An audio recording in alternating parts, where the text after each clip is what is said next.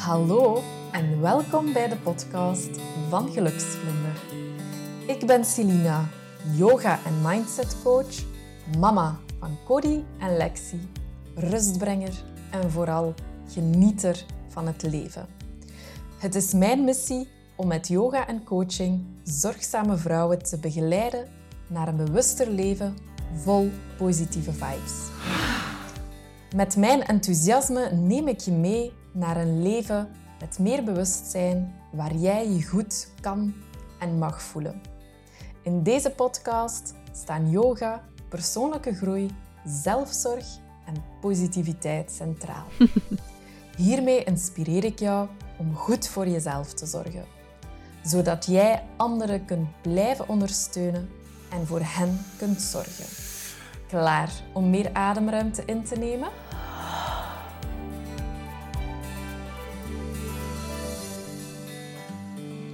Hallo en welkom bij de allereerste aflevering van deze podcast. En in deze aflevering leer jij mij iets beter kennen. Ik vertel je over de drie belangrijkste gebeurtenissen in mijn leven tot nu toe. En ik eindig graag met drie leuke weetjes. En het eerste wat er in mijn leven gebeurd is, is ik ben namelijk op buitenlandse stage geweest. Het is een gebeurtenis van tien jaar geleden. Het is dus ook de meest... Um, degene die het langst geleden is, zal ik zo zeggen. En ik studeerde toerisme en recreatiemanagement. En uiteraard was het mijn droom om in mijn derde jaar een buitenlandse stage te gaan doen.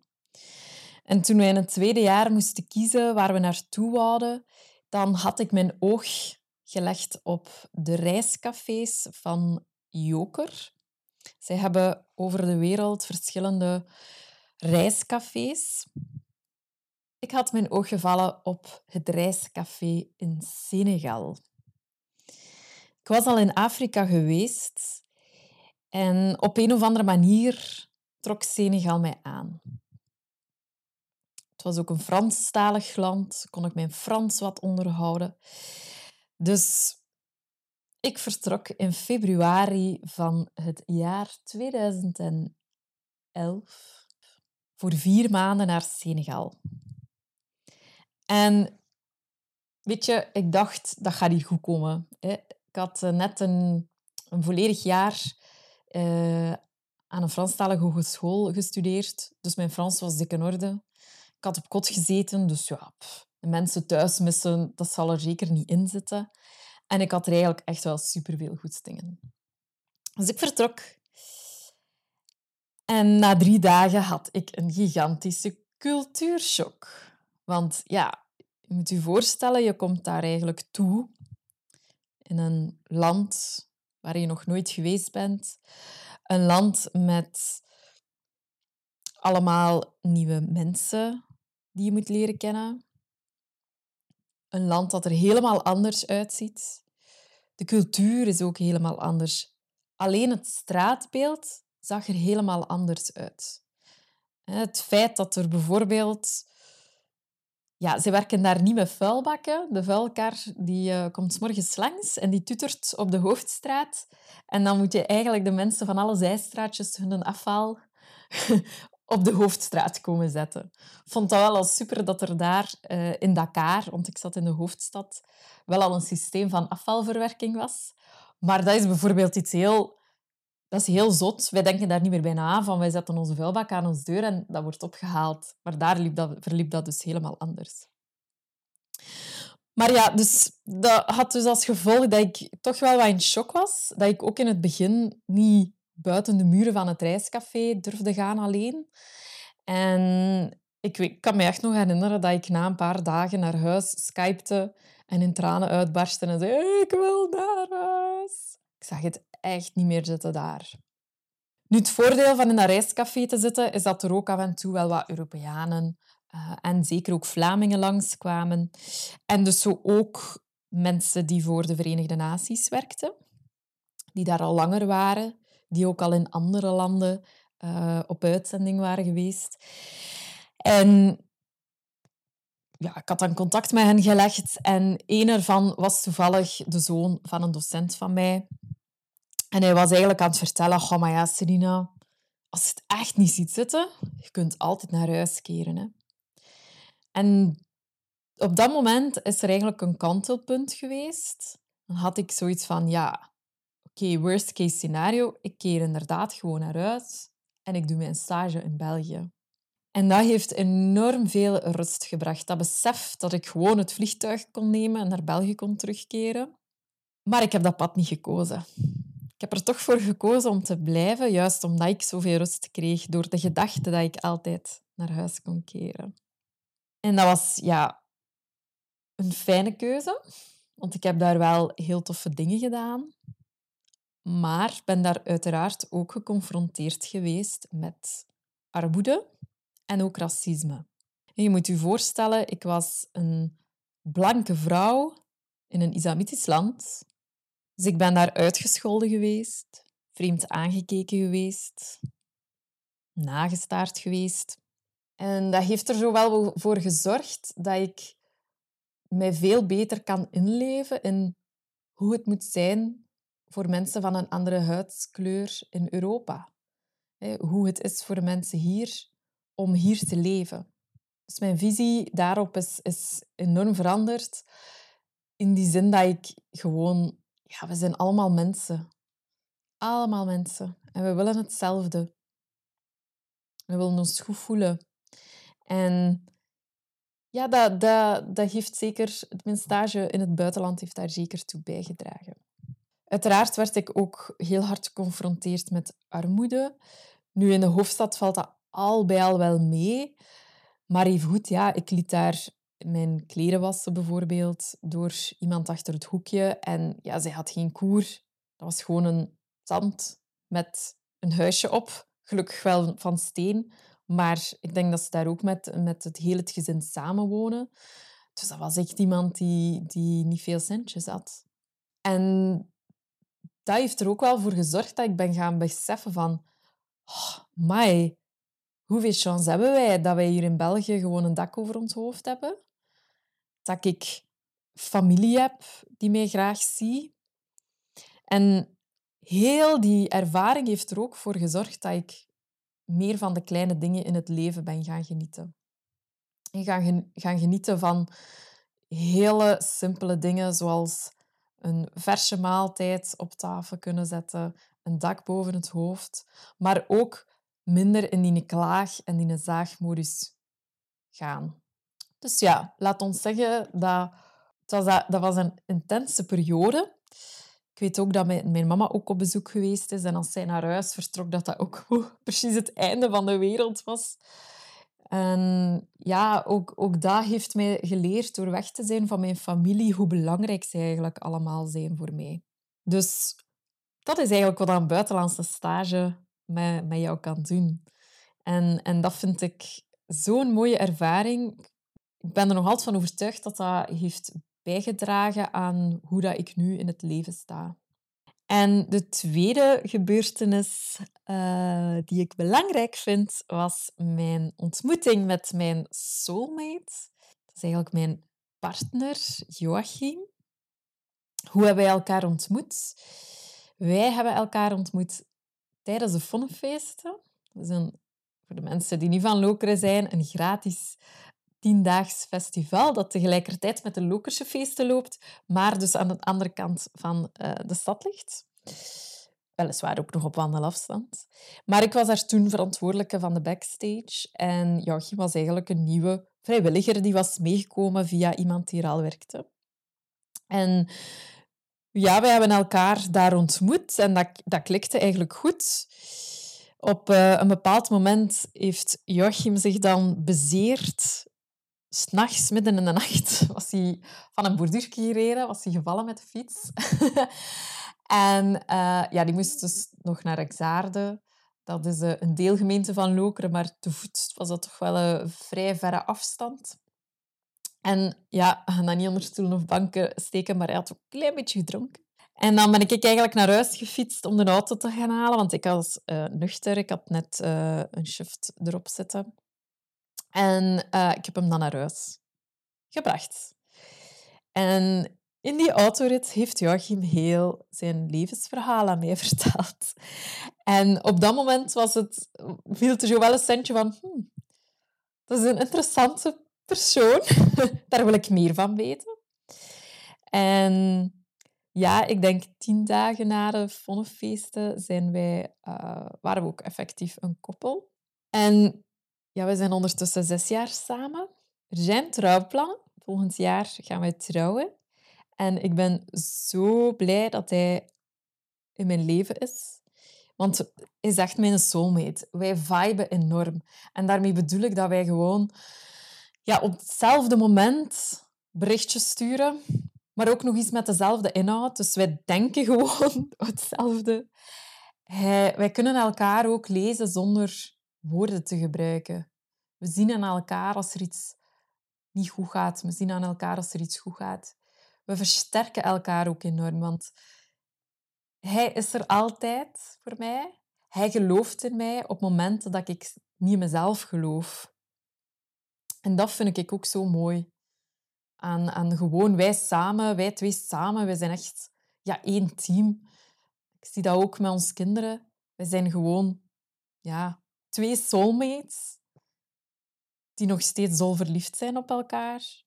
En ja, we hebben alle twee een bepaalde levenswijsheid meegekregen. En dat is van het leven genieten. Ik had dat van nature al een beetje in mij. Dat is ook nog versterkt geweest door mijn buitenlandse stage in Senegal. En Joachim heeft dat op zeer jonge leeftijd te weten, uh, of ja, te weten gekomen uh, als zijn mama is overleden. Zou zeggen dat wij van elk moment genieten, omdat wij alle twee beseffen, de volgende dag kan het hier gedaan zijn. Tijd komt ook niet terug. Dus dan wil je toch het liefst van al gelachen hebben of kunnen terugkijken hebben van ik heb gelachen in mijn leven, ik heb het goed gehad, in plaats van de zuurpruim te zijn en jezelf te verliezen in negatieve zaken. Denk dat dat, als er een rode draad is die ons met elkaar verbindt, is het, is het dat wel. En ja, uit die mooie ontmoeting met mijn soulmate uh, zijn er twee kindjes gekomen. uh, Cody, die drie jaar is op, dit, op het moment van opname, en Lexi, uh, die een jaar en half is momenteel. En dat brengt ons eigenlijk bij de, de derde belangrijkste gebeurtenis en ook de recentste. En dat is mama worden. Ik was uh, enorm graag zwanger. Ik vond dat heel fijn om, om leven in mij te voelen, leven te voelen groeien. Ik mag natuurlijk ook niet veralgemenen, want voor niet iedereen is een zwangerschap fijn. Ik had geen kwaaltjes, dus ik denk dat dat er ook zeker mee heeft meegespeeld. Maar wat ik vooral heb gevoeld, dat mama worden van mij een andere persoon heeft gemaakt. En dat was geen evidentie in het begin. Ik vond dat enorm moeilijk als Cody geboren was, om, om te beseffen van oké, mijn, mijn leven is gedaan, er komt nu een ander leven in de plaats. En dat ook echt als gevolg dat ik absoluut niet op een roze wolk zat. Um, zeker en vast niet. Ik heb echt niet genoten van mijn eerste kraamtijd. Ja, ze vergelijken ook hè, mama worden met... Ze noemen dat ook matrescens. En matrescens is afkomstig van het woord adolescent. En het is echt kerstverse mama's gaan een beetje op zoek naar een, een, een andere identiteit. Hè? Uh, alles verandert.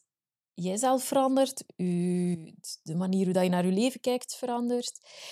En het is nu een van mijn belangrijkste gebeurtenissen, omdat het mij ook wel heel veel mooie dingen heeft gebracht.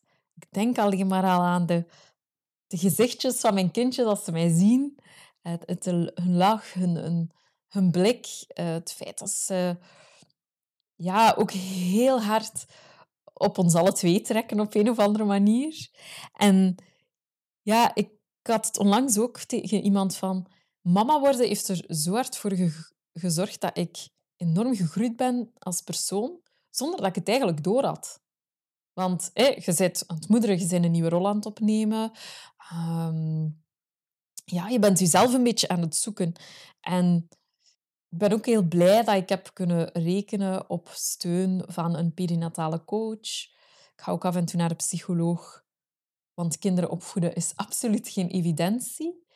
En, en ook, ja, je zit natuurlijk met die identiteit, die nieuwe identiteit die er is, die nieuwe rol die je opneemt. En ja, soms mis ik mijn oude leven, maar dit is het leven nu. En als ik denk aan hoe ik vroeger was en hoe ik nu ben, dan zou ik zeker voor de persoon wie ik nu ben kiezen. Gewoon omdat daar zoveel groei in zit op persoonlijk vlak. En ja, het mama worden heeft er ook voor gezorgd dat ik een boek geschreven heb, namelijk Zijn zwanger zijn, waarin ik eigenlijk ja, alle oefeningen, alle dingen die ik geleerd heb tijdens mijn zwangerschappen meegeef aan andere zwangeren. Uiteraard komt yoga daarin voor, maar het is ook wel zoveel meer. Het is ook een kaartenset bij. Dus dat heeft ook een beetje voor gezorgd dat ik zo wat het mama worden heb kunnen vieren met dat boek. Dat is ongelooflijk. En ja, mama zijn ben je voor het leven. Dus ik ben vooral benieuwd hoe ik daar nog verder in ga groeien en evolueren. Dus voilà, dat waren mijn drie belangrijkste gebeurtenissen in mijn leven tot nu toe. Ik wil uh, nog lang leven. dus ik denk dat er zeker nog andere zullen bijkomen. Zullen ze zo even belangrijk zijn uh, dat ze een van deze drie omverstoten? Dat weet ik niet. dat weet ik niet. Ik heb geen glazen bol. Uh, maar kijk er alleszins naar uit. En dan had ik ook nog drie weetjes beloofd. De eerste weetje is, ik ben namelijk geboren op vrijdag de 13e. Pom, pom, pom. 13 is eigenlijk mijn geluksgetal. En ik weet, dat wordt soms heel grappig over gedaan. Ik weet ook nog een anekdote van uh, mijn mama, die vertelt dat altijd, dat mijn opa uit de krant een knipsel uh, had geknipt om aan het geboortekaartje te hangen, aangezien dat er in het moederhuis dus af en toe mensen passeerden en zo zagen van oh god, dat kind is geboren op vrijdag de dertiende. Ah, zo erg. en mijn opa had dat er dus aangehangen om ja, zoiets te hebben van helemaal niet erg. en ja, ik ben eigenlijk dertien als een geluksgetal gaan beschouwen. Dus dat is wel mijn dingetje. Ik vier dat ook telkens als... Uh, als het vrijdag de 13e is, vier ik een klein beetje mezelf. La, uh, laat het ons zo zeggen. Daarnaast hou ik ook nog uh, superveel van eten. Ik ben een echte bourgondier op dat vlak. Chocolade is daar uiteraard mijn favoriet van. Ferrero Rochers mocht je me altijd geven. En ja, ik hou gewoon aan alles wat daar rond eten draait. Dus het koken, maar ook het opeten, op restaurant gaan. Uh, dat kan ook gewoon een pak friet eten zijn. Of zelfs een, een drie menu in een, in een sterrenrestaurant. Dat vind ik ook zalig.